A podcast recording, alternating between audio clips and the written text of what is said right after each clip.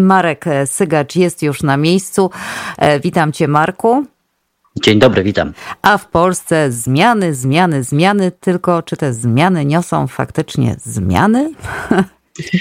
No właśnie, pytanie, czy to zmiany, czy to roszady, czy to oczekiwana zmiana stanowisk?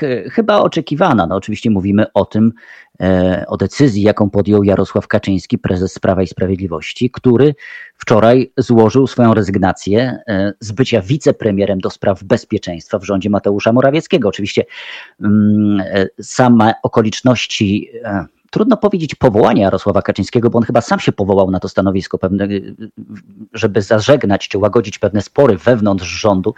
E, nadano mu wówczas właśnie taką tekę mm, wicepremiera do spraw bezpieczeństwa, co też wywoływało spore kontrowersje, bo tak naprawdę w momencie, kiedy dochodziło do krytycznych sytuacji związanych z bezpieczeństwem Polski, wicepremiera Kaczyńskiego e, wśród podejmujących decyzji nie było. W każdym razie sytuacja była taka, że w po pewnym czasie już Jarosław Kaczyński mówił o tym, że kiedy jego misja w rządzie się wypełni, wówczas on zrezygnuje, no i chyba ten czas nadszedł, bo Jarosław Kaczyński oświadczył, co też mm, komentatorzy polityczni odebrali jako jedną z dziwniejszych dymisji w rządzie, czy też odejść, jedno z dziwniejszych odejść w, w rządzie polskim rządzie, czy może w polityce międzynarodowej w ogóle, ponieważ sam odchodzący poinformował o tym, E, że nie jest już w rządzie. Premier i prezydent mieli przyjąć jego rezygnację, a cytując powiedział dokładnie tak: Nie jestem już w rządzie. Premier Mateusz Morawiecki oraz z tego co wiem, prezydent Andrzej Duda przyjęli moją rezygnację. Oświadczył też, że moim następcą w randze, jego następcą w randze wicepremiera będzie szef Ministerstwa Obrony Narodowej Mariusz Błaszczak, więc tak naprawdę wicepremier Kaczyński zrobił swoje ruchy e, kadrowo-polityczne w rządzie, niespecjalnie się przejmując e, tym, co ma na ten temat do powiedzenia mm. premier czy prezydent. Marku, jak Więc... zawsze, jak zawsze ja się śmieję, bo e, powiedziałeś, sam się powołał, tak naprawdę sam się powołał, sam się odwołał i powołał na swoje miejsce następcę i tyle, koniec, kropka. Wszystko poza tak, trybem. To prawda. Wszystko poza to trybem. prawda, wszystko poza trybem. Oczywiście może to wywoływać uśmiech, ale też powinno wywołać pewne takie tak. zastanowienie, tak. czy zadumę nad kondycją E, nie tylko nie tyle klasy politycznej, co w ogóle kondycją polityki sprawowania władzy, czy stylu sprawowania władzy w Polsce. No bo e, jeżeli dochodzi do tak karykaturalnych wręcz e, ruchów kadrowych na poważnych, co jakby nie było stanowiskach, no weźmy pod uwagę to, że mamy wojnę, mamy stan najwyższego, najwyższej gotowości bojowej od czasów II wojny światowej, stan zagrożenia.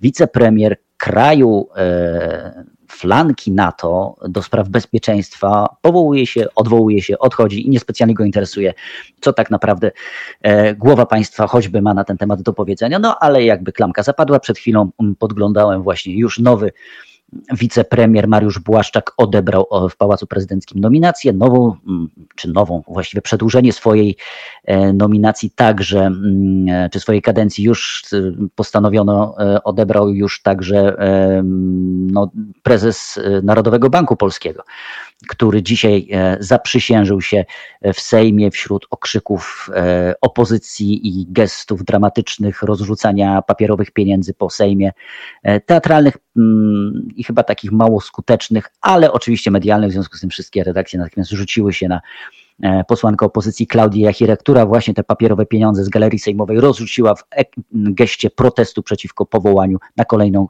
kadencję e, prezesa Glapińskiego. No więc tak się kręci ta nasza polityka.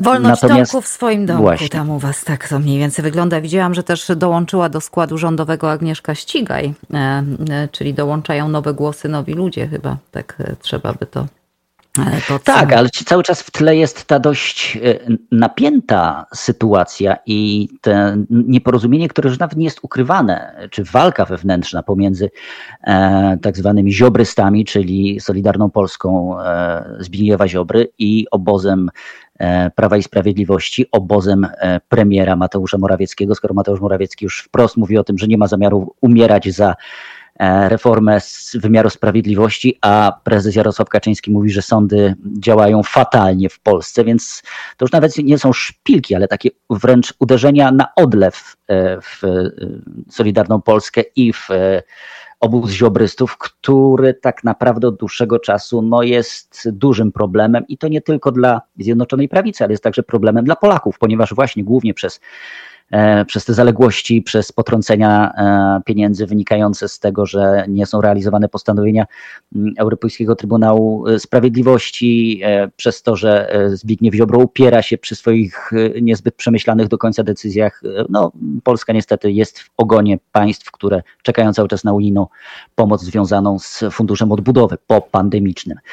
No i to wszystko w cieniu tego, co dzieje się za naszą wschodnią granicą. Dzisiaj wszystkie w zasadzie główne media mówią o tym, co napisał amerykański portal Politico. Mm a napisał, że, e, że w Polsce znajduje się, e, jak to zostało określone, najbardziej niebezpieczne miejsce na Ziemi właśnie w tej sytuacji, w tej chwili. Więc przyglądaliśmy się, wszyscy się przyglądają temu nie, najbardziej niebezpiecznemu miejscu na Ziemi i o co chodzi. No bo tak na dobrą sprawę i całe szczęście na Polskę jeszcze nie padają rosyjskie rakiety, ale rzeczywiście jest coś takiego wzdłuż wschodniej granicy Polski, północno-wschodniej granicy Polski właściwie, a zatem wzdłuż granicy NATO i Unii Europejskiej, co można nazwać piętą achillesową. To jest tak zwany przesmyk suwalski. Przesmyk suwalski to jest taki niespełna 80-kilometrowy odcinek granicy z Litwą e, pomiędzy obwodem kaliningradzkim, czyli rosyjskim terytorium, a Białorusią. To jest przesmyk, który już generałowie i dowódcy i strategzy amerykańscy określili jako potencjalnym miejscem, e, które może być obiektem rosyjskiego ataku. Dlaczego? Dlatego, że to jest jedyna droga lądowa łącząca e, republiki e, nadbałtyckie, a więc część Unii Europejskiej i NATO z pozostałą częścią Starego Kontynentu, z pozostałą częścią Unii Europejskiej. W momencie, kiedy Litwa wprowadziła w życie sankcje unijne wobec Kaliningradu, czyli tak naprawdę zablokowała te lądowe e, transporty i lądowe zaopatrzenie dla obwodu kaliningradzkiego, no to ten odcinek pomiędzy Białorusią a Kaliningradem, jeżeli spojrzą Państwo na mapę, e, może być rzeczywiście takim potencjalnym mm, punktem, którym Rosja może być zainteresowana, żeby sobie przebić ten lądowy korytarz i połączyć tą swoją eksklawę, ten Kaliningrad, e, poprzez Białoruś z terytorium Rosji. Eksperci mówią, że rzeczywiście to jest punkt, na który trzeba zwracać uwagę strategiczną, militarną, ale też wspominają o tym, że na tym etapie Rosja nie powinna i raczej nie będzie interesowała się militarną operacją w, w, na tym obszarze ze względu na zaangażowanie w Ukrainie, ze względu na e, dość duże straty, które Federacja Rosyjska poniosła cały czas i ponosi w tej wojnie. No ale tutaj takim e, dość e, chyba niedostrzeganym i chyba niedocenianym elementem tej całej układanki jest Białoruś.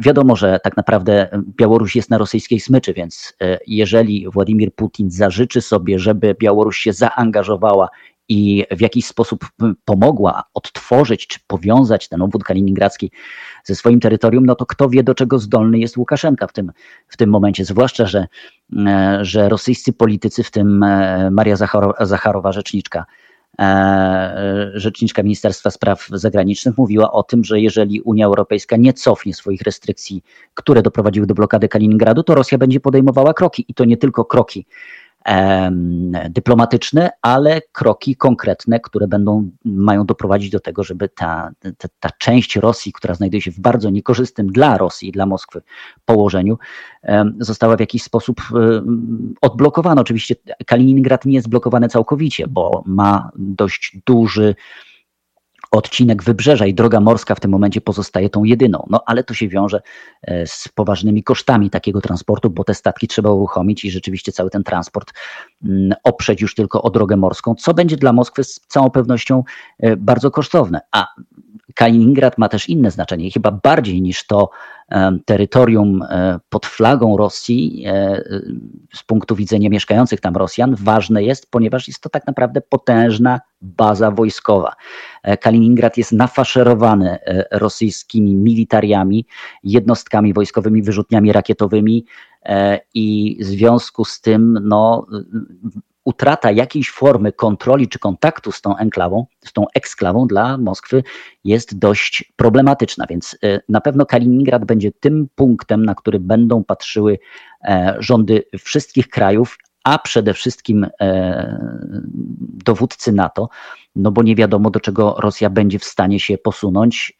Oczywiście to może być tak, że tylko grozi E, i Moskwa tak naprawdę rzeczywiście nie będzie miała możliwości fizycznych, militarnych, żeby mm, zacząć e, wojnę z NATO tak naprawdę, bo do tego by się to sprowadzało. Ale e, już wielokrotnie łapaliśmy się na tym, że nie do końca dopuszczaliśmy albo nie chcieliśmy wierzyć w to, do czego zdolny jest Władimir Putin, a potem okazywało się, że zdolny jest do naprawdę jak najgorszych rzeczy. No właśnie.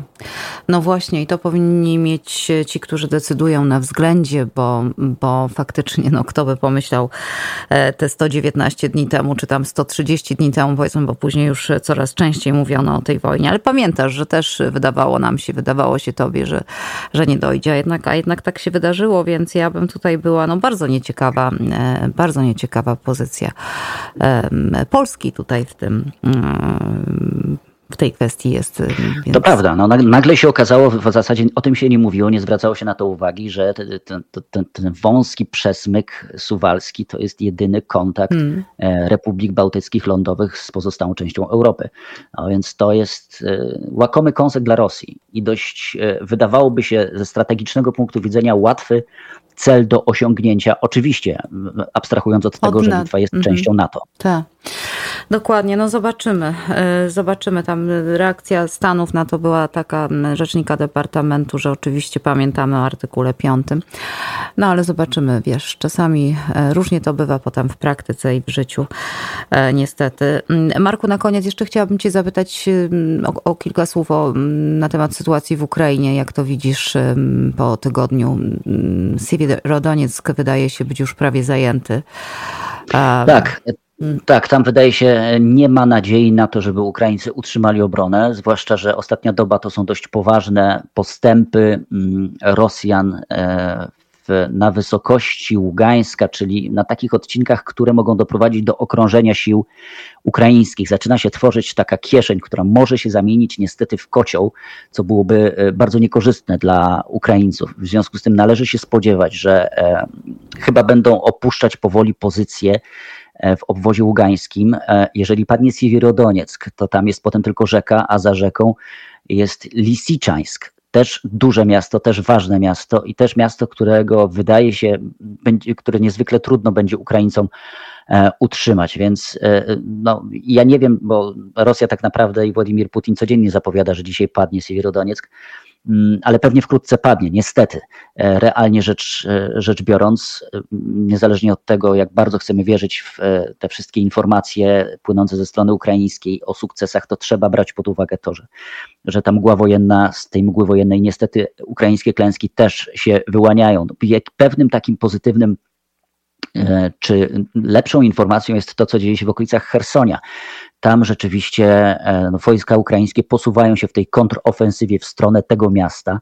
E, wydaje się, że chcą chyba związać troszeczkę e, i odsunąć, odciągnąć uwagę od Donbasu. I na razie im się to udaje. Znaczy, wygląda na to, że Rosja rzeczywiście jest na Donbasie skoncentrowana. To może ją kosztować Hersoń, ale to na pewno nie będzie bardzo, to nie będzie łatwe zwycięstwo Ukraińców, jeżeli uda im się odbić miasto. No poza tym są jeszcze te sytuacje na Morzu Czarnym.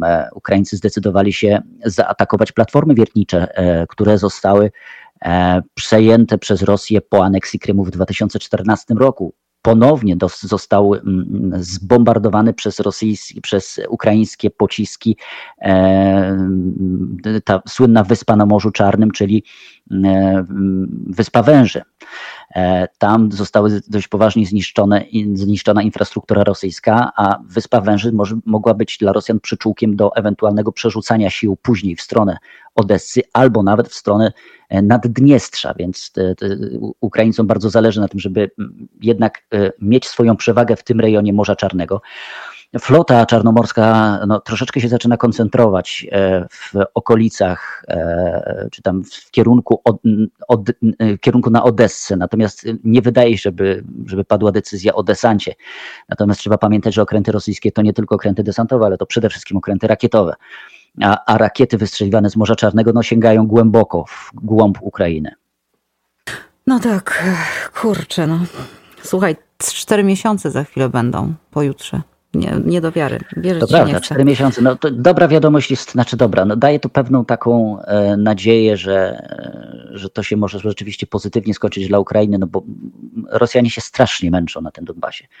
E, i, a wiadomo, że oni także nie mają niewyczerpanych zasobów ani ludzkich, ani sprzętowych. Natomiast cały czas niestety mają przewagę nad Ukraińcami. Mm. No tak, tak, tak. E, tak jak mówiłeś, no, ukraińska propaganda, no wiesz, oczywiście podaje te dobre informacje te ku pokrzepieniu ducha, serc i, i morale. E, natomiast warto spoglądać na, na dwie strony i sobie wyciągać wnioski. Dziękuję Ci, Marku, za te analizy bardzo, za całą relację i tą z Polski. Bardzo dziękuję. Pierwsza część naprawdę byłaby komiczna, gdyby nie, no nie groźna sytuacja za naszymi granicami i potem jeszcze ten przesmyk suwalski do tego wszystkiego. E, do usłyszenia za tydzień. Dziękuję Ci, dobrego dnia. Dziękuję, do usłyszenia. Marek Sygacz o sytuacji w Polsce, ale także w Ukrainie. E, zwykle u nas pojawia się w środę o godzinie 9.30. Tak było i dziś.